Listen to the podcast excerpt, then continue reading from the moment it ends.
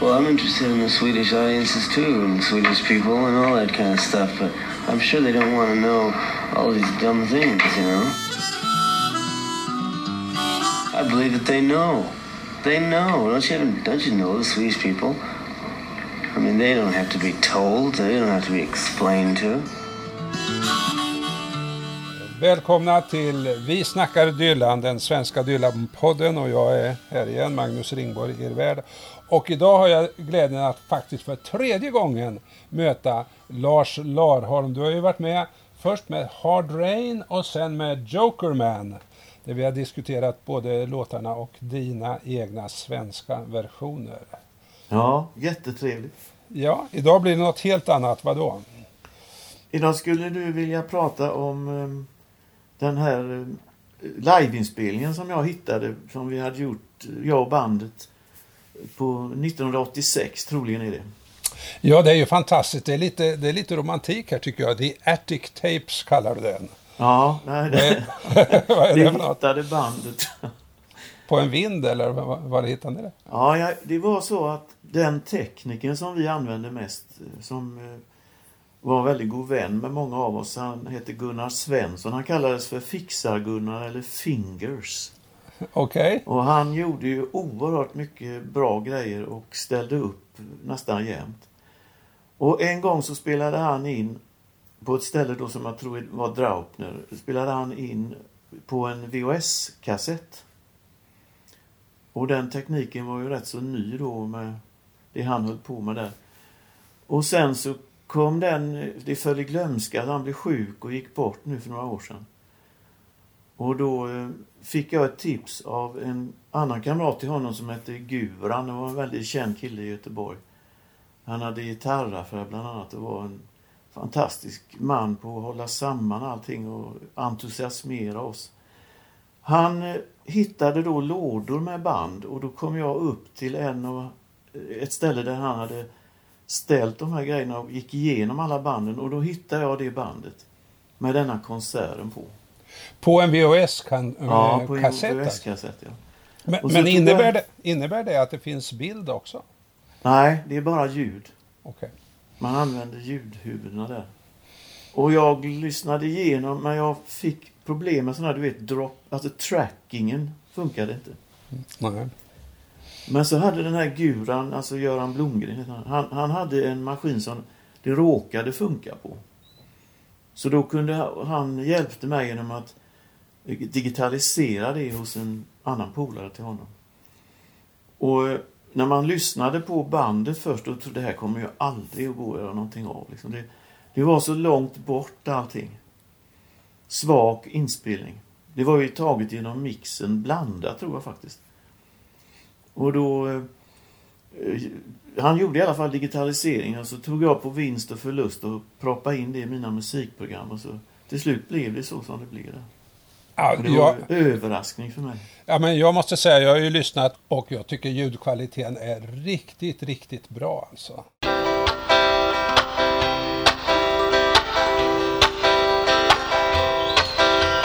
You must leave now. Take what you need.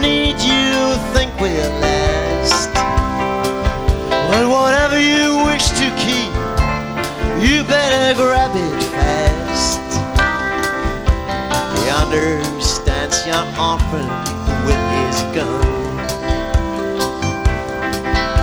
crying like a fire in the sun. Ja, ja, jag blev förvånad över att det gick att få fram det. Så, för det fanns ju då där, fast det var väldigt lågt. En sak som gjorde att, att jag tyckte det skulle vara kul att, att prata lite mer om hela den här skivan och det är ju en enorm skiva för det är 20 låtar på. Ja, 20 låtar! Från, från hela Dylans karriär fram till, till 86 då. Men det, det skulle vara att försöka få tag lite i stämningen där i, i Göteborg. Hur var det att spela i band? Hur var det att vara Dylan-musiker bland annat? Och hur var det klubbarna, alltihop det. Vad kan du berätta om det där? ja. Du kanske får läsa Lydia Sandbergs bok. som Ja! Hon fick Augustpriset. Jag noterade att det handlade om den tiden i Göteborg. Ja, det vore Det ju var- spännande. Samlade verk. Ja, just det. Jag hade aldrig hört talas om detta. Men det lät ju väldigt... eh, Det stämde ju med det vi skulle snacka om. Okej. Men jo, det var ju eh, oerhörd aktivitet på musiken på den tiden. Jag började att spela i band. Det som var förstadiet till Blyga läppar, det var 1979 tror jag vi hade vår första spelning på Sprängkullen i Göteborg. Det var ett inneställe för musik och mycket annat. Och där fanns replokaler i samma byggnad. Och vi hade en av de replokalerna. Och vad hette ni då? Ja, vi hette Blyga läppar ganska fort. Ja, okej. Det, var, det stämde med våran eh, lite sådär blyga framtoning. Ja. Och sen var det ju så att eh, det var ju väldigt mycket musiker igång och de spelade i olika band. Och, och det var ju tur att gitarristen i mitt band, Ivan Ward, han kände så många av de här musikerna. Så så fort det var något som fattades så skaffade han fram en ny. Han var otrolig på det. Alltså jag fattar inte hur han kunde få ihop det. Men det var ju... Du, om vi, oerhörd back, insats. om vi backar lite Lars. Så Ja. Det här var 79 sa du som ni hade er Ja. första spelning. Mm. Eh, och jag vet inte om du har sett den där tv-serien Upp till kamp som gick för flera år sedan. Nej. Men den beskriver i flera avsnitt då musikutveckling i Göteborg från mitten av 60-talet. Ja. Och då är, det ett, då är det ett band där som är inspirerat, som de säger, utav The Who och Dylan. Och de spelar på Q Club. Och så, och så får man skildra förändringen, alltså hur musiken drar åt olika håll. Någon vill åt Svensktoppen eller få skivkontrakt, men sen är det då proggen som kommer in och så kommer det in mer och det är ganska grymt skildrat med, med kraven på så att säga le- renlärighet åt vänster. Sjunger du sången om Stalin nu och sådär va? Ja, ja. Och, men, men jag antar att den vågen kanske har, har ebbat ut då fram vid 79 eller hur är det? Ja, den börjar ju liksom tona ut men det var en del sådana stämningar som du beskriver här under ytan. Och det var liksom tveksamheter att göra något annat än som hade varit rådande länge. Det är vad jag uppfattar. Jag kom ju helt utifrån. Jag hade ingen koll alls. Ah, ja. Utan jag, jag bara ville spela Bob Dylan och så råkade det bli alla de här fina musikerna. Så det var ju en fantastisk chans att, att kunna vila i den tillsammanskänslan vi hade där. ja, man det hör var- det. Man hör det alltså. På, Ja, på det är väldigt tryck också. Och så här, sen var det det ena gav det andra och vi spelade liksom hej vilt på alla andra ställen utan att liksom känna in oss i några speciella, om det var några restriktioner eller man borde inte det och borde inte det. Utan vi bara öste på där. Vad fanns det för klubbar på den där tiden? Ja, det var den här, då var ju en av dem. Fanns det Renströmska. Den låg inte så långt ifrån Draupner. Och sen var det då Sprängkullen och sen var det, eh, vad hette den nu? Eh, det var en liten klubb på nere vid Dojan. Var en restaurang. Där spelade vi också mycket på en restaurang Dojan. Det var väldigt mycket musik där. Jag, jag forskade lite i det där och då fanns det någon som hette Franska klubben men den var visst lite snobbig. Och, eh, ja, det skrivs lite på nätet om det där i alla fall. Ja. Men, men eh, Draupner beskrivs ju som, vad ska man säga, alla svartklubbars moder. Den legendariska och egentligen första svartklubben då, då där, dit alla gick. Stämmer det? Eller? Ja, jag har ingen, absolut ingen koll på hur det var där. Men det var de, mina alltså, kollegor kallade den för ett hål i väggen. Det- Ingången var ihop, jag tror det var någon slags massageklubb också i samma ingång så att det blev ihopblandat där. Men jag måste säga att publiken på den här, där, där det spelades då, det var en väldigt eh, bred typ av publik och väldigt kunnig och så. Det var oftast mycket bra stämning. Jag tror vi spelade där åtminstone tre, fyra gånger under åren. Kanske mer. Allt gick i ett så jag har inte koll på vad det ena hände och det andra hände. Du, du det, det här skivan som vi ska prata om nu med de här 20 låtarna. Vad Ja. tror du, är de inspelade vid samma tillfälle eller är det från Ja, fler? alla de är från den konserten. Ja, men det otroligt alltså. Om det är något som jag saknar där så är det ju publikljud och lite mellansnack och sådana där saker. Alltså. Det hade Ja. varit häftigt att få med eh, för stämningen. Ja. Men det fanns jag- inte på bandet eller? Nej, det enda som låter... Det publikljudet hörs ju på vissa där. Men eh, det var inte mycket till mellansnack. För det, det var ju blyg. Jag var ju väldigt blyg. Ja, ja, ja, ja, ja. Precis som Dylan, han säger ju inte många ord heller. Nej. Men sen var det ju... Det, det gick i ett kan man säga. Det var ju väldigt... Alla mådde väldigt bra den kvällen bland musikerna. Ja. Så det kändes som det var ju väldigt harmoniskt och enhetligt och samlat. Hur, hur gjorde ni när ni satte ihop en spellista? Ja, vi brukade blanda från tidigare spellistor och- den här kvällen var det, jag tror det var fyra, tre eller fyra omgångar vi spelade i. Med en liten paus emellan. Och det blev ofta en spellista som var baserad på tidigare spelningar plus det som kändes för kvällen. Men, men hade ni alla de här låtarna i er? Alltså det är ju rätt olika arrangemang på en del och hur... hur, hur Ja. En del var väldigt nya den kvällen för, för många av, i bandet. Det hörs på en hel del ställen de spelar fel. Men trycket är ändå kvar. Liksom. vilken skulle du säga då? Alltså? Ja, jag kommer ihåg att Changing of the Guards var ganska ny för dem då. Och sen var det Wheels on Fire också. Okej. Och även eh, Every Grain of Sand var ganska nytt på repertoaren.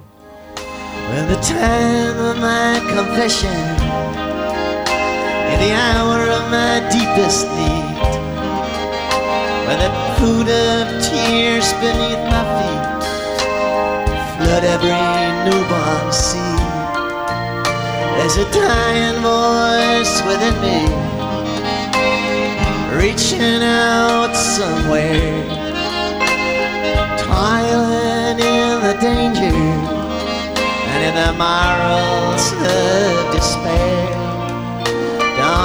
the inclination to look back on any mistake like Cain I now behold this chain of events that I must break Men det, vi var vana vid den situationen för att ofta var det ju så att någon var borta vid någon spelning och då fixade Ivan in en annan. Och då hoppade ju de in. Jag kommer ihåg det var en spelning på Renströmska där spelade en väldigt duktig basist som hette Mikael Krönlar. Han hade aldrig spelat det här.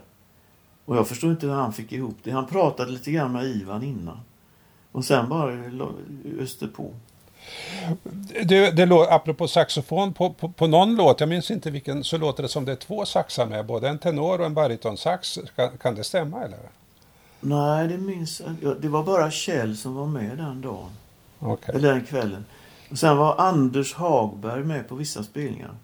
Och på klaviatur var... Där är ju två klaviatur på denna skivan. okej. Det är Rune, vår vanliga klaviatur. Och sen var, är det Dan Hellström som spelar också. Men vi hade två på klaviatur ofta. Olle Nyberg var med en del. Men på, den tiden fanns det sådär som man kunde trycka på en knapp, nu ska det låta som saxofon eller? Nej, det, vi hade, ja det är möjligt att det fanns men det är inte så vanligt var det inte då. Okej. Men det här är live-saxofon.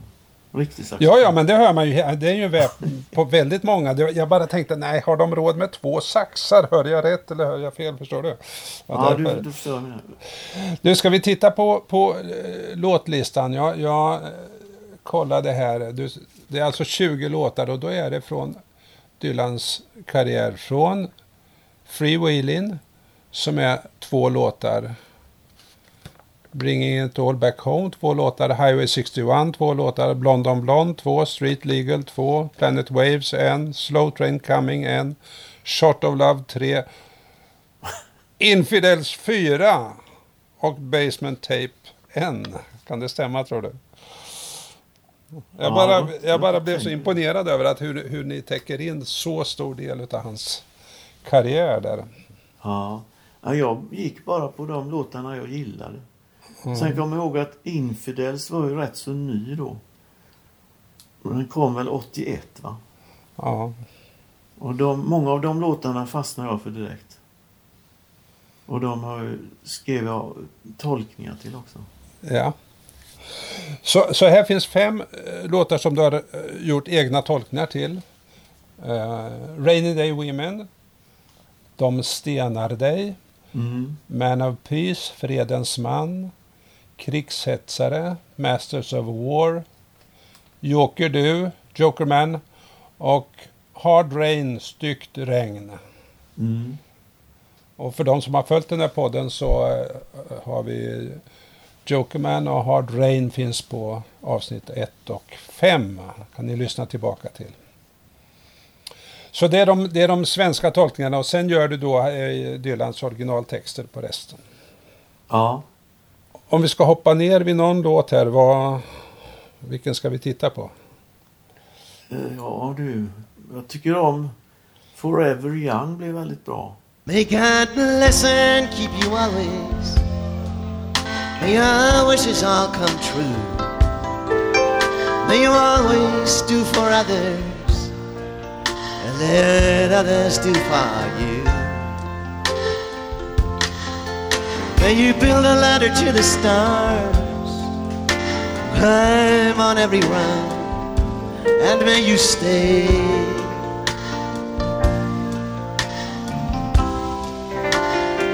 forever young. Och det är många som blev fint tryck i där. It's alright Ma. Och den här eh, Union Sundown. Ja. Och Vill du ha mig jag för mig blev rätt så bra där också.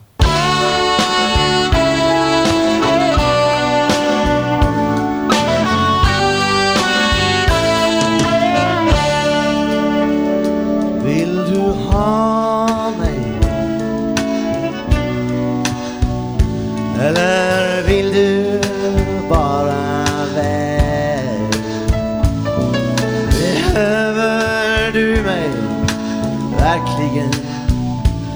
Eller är skuld ett enda skäl? Ja, ja, ja, ja. Det roliga var ju att när vi började spela ihop så var det ingen som hade varit befatta sig med Dylan överhuvudtaget. För de, många år efter när vi hade malt på ett tag så blev tackade många bandmedlemmar mig för att jag hade introducerat honom i deras musikliv. Och det var ju rätt så spännande så det, jag tror att det färgade sättet att spela denna musiken på. Att det var relativt fräscht för många. De hade Ja. inte med sig så mycket historiska... Det behöver inte bara vara hämskor i så fall. Det kan vara saker som styr en omedvetet. Det var ju liksom bara musiken som de kom in genom, kan man säga. Eh, Du, du nämnde Vill du ha mig, jag glömde bort den låten. Det är ju en fantastisk tolkning tycker jag. Alltså Is your love in vain Ja, från Street Legal. Och min känsla när jag hör det, det är ju, det är ju tät rock alltså och, och, och blues. Och, och då får jag eh, en bild av det här, är en, det här är en klubb, det är sent på kvällen, alla ska och dansa. Här gäller det att ha fullt tryck i bandet, vilket ni har. Och så... Men sen är det lite långsammare låtar och... Ja, du vet som man sa förr i världen, en tryckare va? Var, var det så då att folk dansade eller satt de eller stod de? Hur var det där? Nej, det var blandat men de, det var också var det ojämnt. En del perioder så var det glesare med folk. Och så kom det in och så blev det tätt ibland så det varierade en del. Men det var många som dansade ja. För att eh, ja, dels är den där Is your love in vain och Forever young, eller Vill du ha mig? Och, och sen var det en låt som jag fastnade för nu. Don't fall apart on me tonight, alltså från Infidels. Don't fall apart on me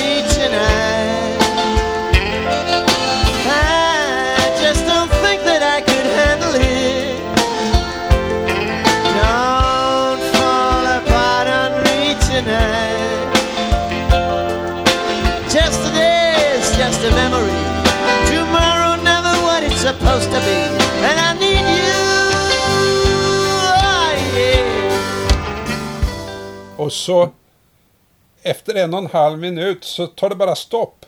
Ja, det var teknisk kollaps där. Ja, Så jag kunde inte bevara det men jag tänkte det var så god stämning i, inledningen så jag tog med det ändå.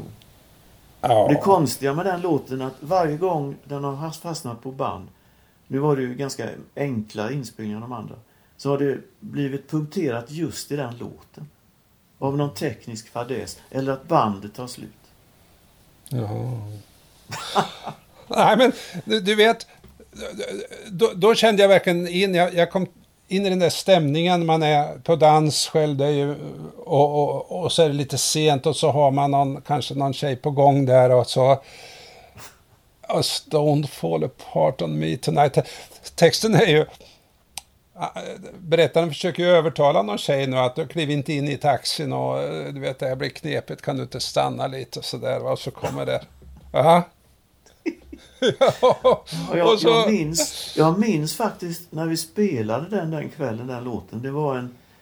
Faktiskt var det en låt som jag tror vi spelade den, för en del var det första gången. Och några av oss hade tittat på den väldigt lite innan. Och det blev, det, var, det roliga med den publiken var ju att de lyssnade även om de dansade. Det var en väldig uppmärksamhet. Så att det gick ju att, att ligga i den stämningen. Många låtar är ju lugna som du säger. Och då, eh, det- var en bra känsla där mellan publik och vi som, oss som spelar. Jag minns den låten speciellt. Den betydde mycket för mig då, i den perioden. ja, jag, kan, jag kan tro det, därför att, att det, det är det, du, du har ju ofta den förmågan att, att ligga nära texten så att man verkligen... Ja, du övertygar den på något sätt. Va? Det, är, det är du och, och även jag som hör den, det är jag. Va? Det här. Ja, stick, Ja, det är roligt att höra. stick inte iväg i taxi nu, hallå.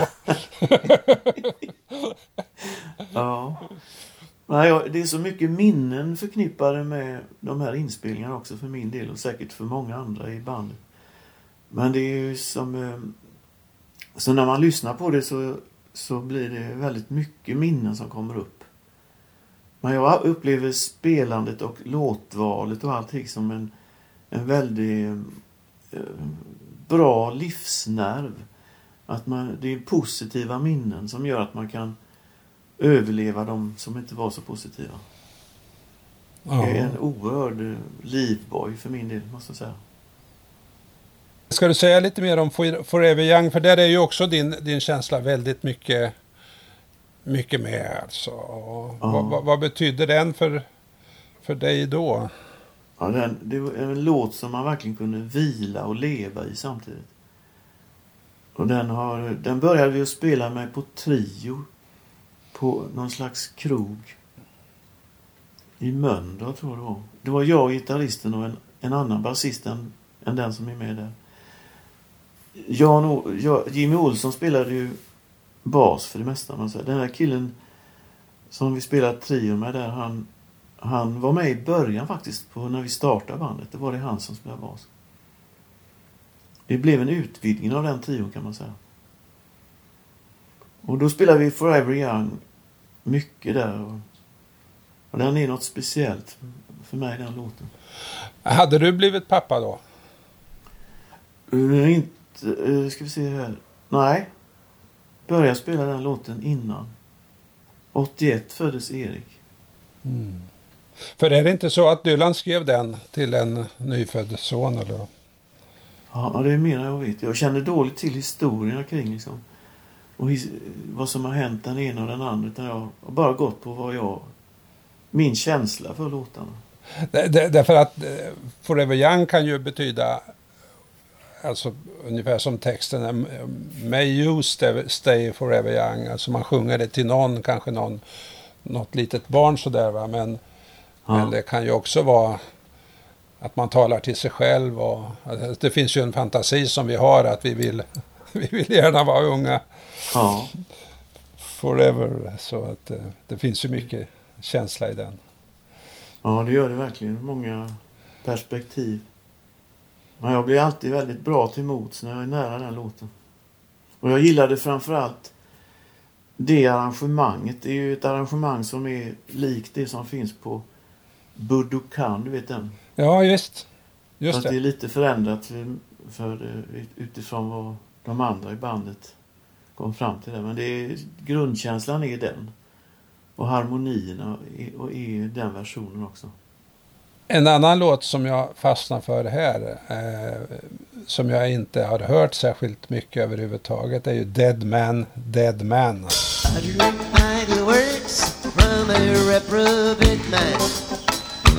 Clinging to strange promises, dying on the line. Never be unable to separate the good from the bad. Who can stand it? I can stand it. It's making me feel so sad. Dead man,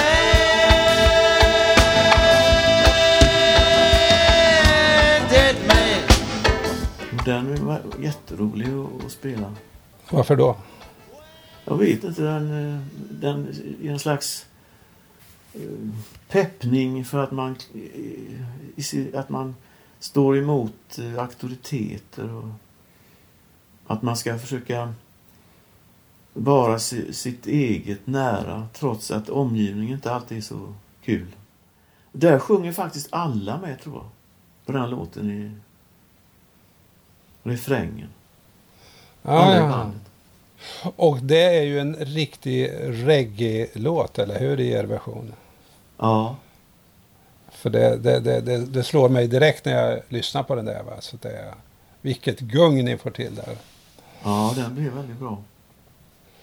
Och du har upplevt många konserter med Dylan där, liksom på den tiden när han, det var väl kring 84, lite innan där. Då var det en del reggae-inslag. Han hade arrangerat om låtarna. Mm. Don't think twice, kommer jag ihåg, och som reggae. Okej, eh, ytterligare en låt som jag tyckte väldigt mycket om. Och, och, och det är väl för att, att jag fastnar för dem som jag inte brukar lyssna på så ofta. Så var det Heart of Mine. Ja. Det är också från den skivan. Från Shot, Shot of of Love. Ja. I refrängen där så ligger det din röst och så en gitarr och saxofon som följer melodin i korus. Det har jag inte tänkt på. Don't let her know. Don't let her know that you love her. Don't be a fool, don't be blind. Heart of mine.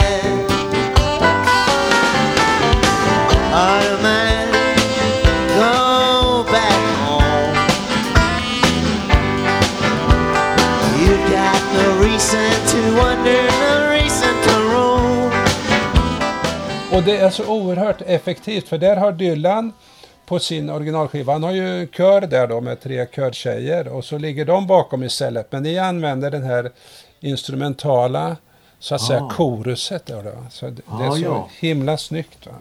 Han- eh, Klaviaturkillen Rune Eurenius och Kjell Henriksson, de känner ju varandra sedan länge. Och de gjorde ofta arrangemang för sig, liksom, eh, som de la in i låtarna. Och då, ja, vi jämkade ihop det med det andra. Det blev väldigt lyckat många gånger, kommer jag ihåg. Sen var det en eh, Västgöta Nation, det var en annan klubb. Där var mycket spelningar. Och där gjorde vi en del eh, fina framträdanden. Synd att det inte finns inspelat. Men det... Den var väldigt livaktig den klubben. Du vet kanske var den ligger nere vid Pack... Vad är det? Vid Pi, den där sten... Nej, men jag vet ingenting om Göteborg så det här är bara Jaså? exot, exotiskt för mig att höra. Ja, ja. Ja, nej, den var, det var en sån studentnation. Men den, den stod ut från de andra. Det var jättemycket fint där. Ja, tänk vilket, vilken eh, skillnad det är mot nu. På vilket sätt då? då? Ja, det var ju mycket mer aktiviteter och fler ställen att spela på. Det bara gick i ett allting. Och så var det varierat på ett annat sätt. Ja, jag, jag tittar på Facebook, då finns det någon till exempel grupp eh, Vi som hängde på Errols.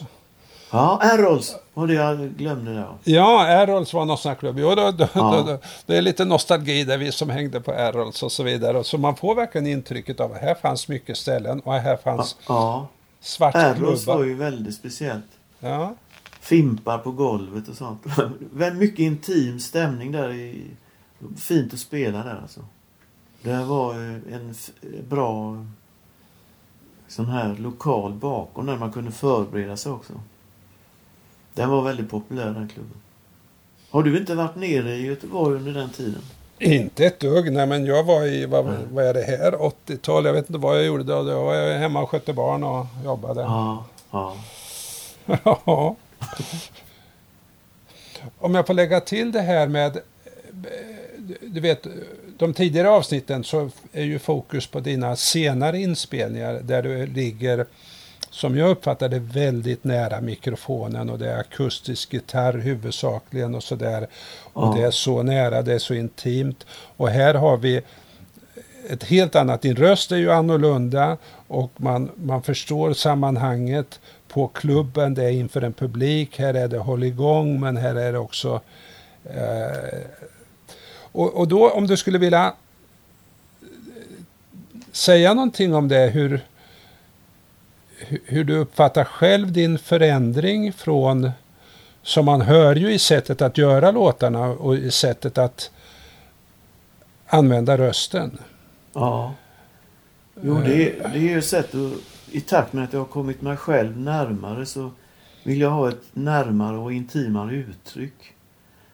Men sen hänger det också samman med att jag har inte kunnat spela med någon mer på jättelänge.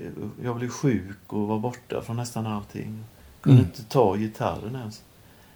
Och jag närmar mig musiken på ett annat sätt efter det. Och då hade det hänt mycket psykologiskt och själsligt i livet också. Så, så när du tar tag i gitarren igen och, och när du börjar spela in, Ja, när är det ungefär? ja det är då ungefär när jag, strax innan jag kom upp och spelade där hos dig. Täbykonserten som har pratat om Ja, tidigare. ja. Mm. Det är så mycket som hände de åren där så jag har förträngt mycket av det. Det var fruktansvärt jobbiga perioder. Men min smärta varade ju i... Och då 97, 2007... i- Ja, nästan 15 år 15 år. hade jag ont i huvudet dygnet runt. Oj. Och det var den här ryggskadan då. Och så plötsligt försvann det. Och det berodde på, säger läkarna då, att, eller sa de, att det var förkalkningar som kommer med åldern. Och smärtan Jaha. försvann över en dag. Vet. Ja, det är otroligt. Ja, det var som en pånyttfödelse och det var svårt att orientera sig i början där. Det var så mycket som hade stängts in under de åren. Helt ofattbart. Det är som när man skurit bort 15 år av livet känns det som. Ja. Och så, och så får du kraften alltså att ta tag i gitarren och börja spela Ja, in allt. igen. Och det är en ny röst då på något sätt. Ja, och jag har alltid... Jag har ju fått lära mig de här med inspelningsmöjligheterna så och lura ut själv. För det är gjort under väldigt enkla former och jag hade inga... Alltså synkronisera gjorde jag genom att säga pöpp sådär. Ja. Jag spelar in och lägger på någonting så ska det synkas. Och, och så fick jag lära mig alla de här programmen från noll kan man säga.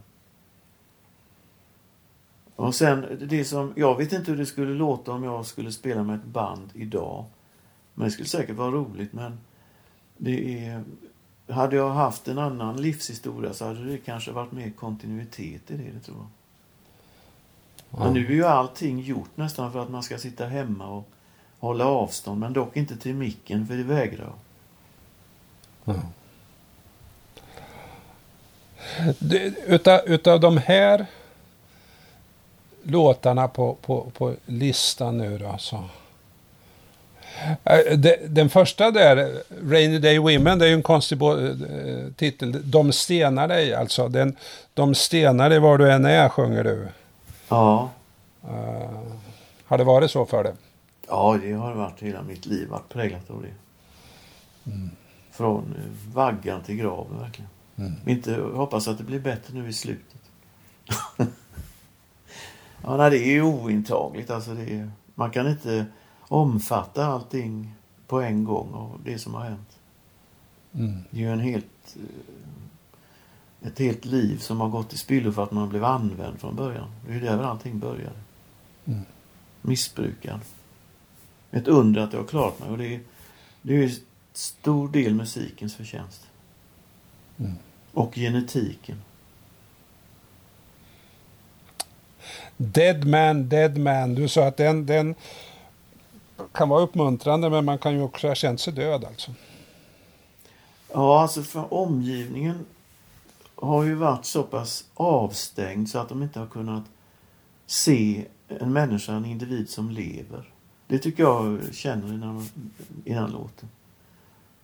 En levande människa som, har, som inte har så mycket dialog med en omgivning för att omgivningen är så avstängd Mm. och inrutad. Oflexibel. Man märker av nu, apropå det här coronaläget, så får man ju verkligen en känsla för hur viktigt det är att hålla sig socialt i kontakt med omgivningen. Hur viktigt det är för människan. Ja. Och det är samma sak med immunförsvaret. Om man är borta från läng för länge från ett kontinuerligt uppdaterande, då blir, det, blir man sårbar sen. Och det är ju parallellt det där med man blir sårbar också som människa socialt sett om man är avskuren för länge. Det har du säkert funderat på. Every grain of sand, eh, Lars. Every Mhm. hair is numbered. Every grain of sand. Jag tänker på den också. Det kan ju vara en sån där låt som som, eh, som ger kraft om man känner sig som Ja. en dead man. Eller. Den är ju fantastisk. Det är en underbar låt att vila i. Den sätter stämningen omedelbart. jag. Är det en låt som du vill ha också på fil? Ja, visst, den tar vi. den tar vi. Och sen, om vi ska avrunda det här samtalet, Lars. Ja. Så, så sist på din låtlista, sist på skivan så, så står It's all over now, Ja. Baby Blue. Och då kan man väl säga eh, så här, It's not all over now, eller? ja helst hoppas jag att det är så. Ja. Ja, Vissa saker är, är över men andra kan fortsätta på ett sätt som man kanske inte hade tänkt sig. Nej men när du berättar din historia så låter det som att det, det kan ha varit så att eh, ganska många gånger så har det varit så, It's all over now, men Ja, så är det något som händer, något oväntat och så ja det var bra. kommer man bra igen. Ja. En promenad till exempel. Ja. Jag gjorde en promenad upp i bergen här för en vecka sedan ungefär. Och då... Jag fattar inte varför jag gjorde den promenaden men det var en fantastisk styrka i att göra den. Nära naturen och...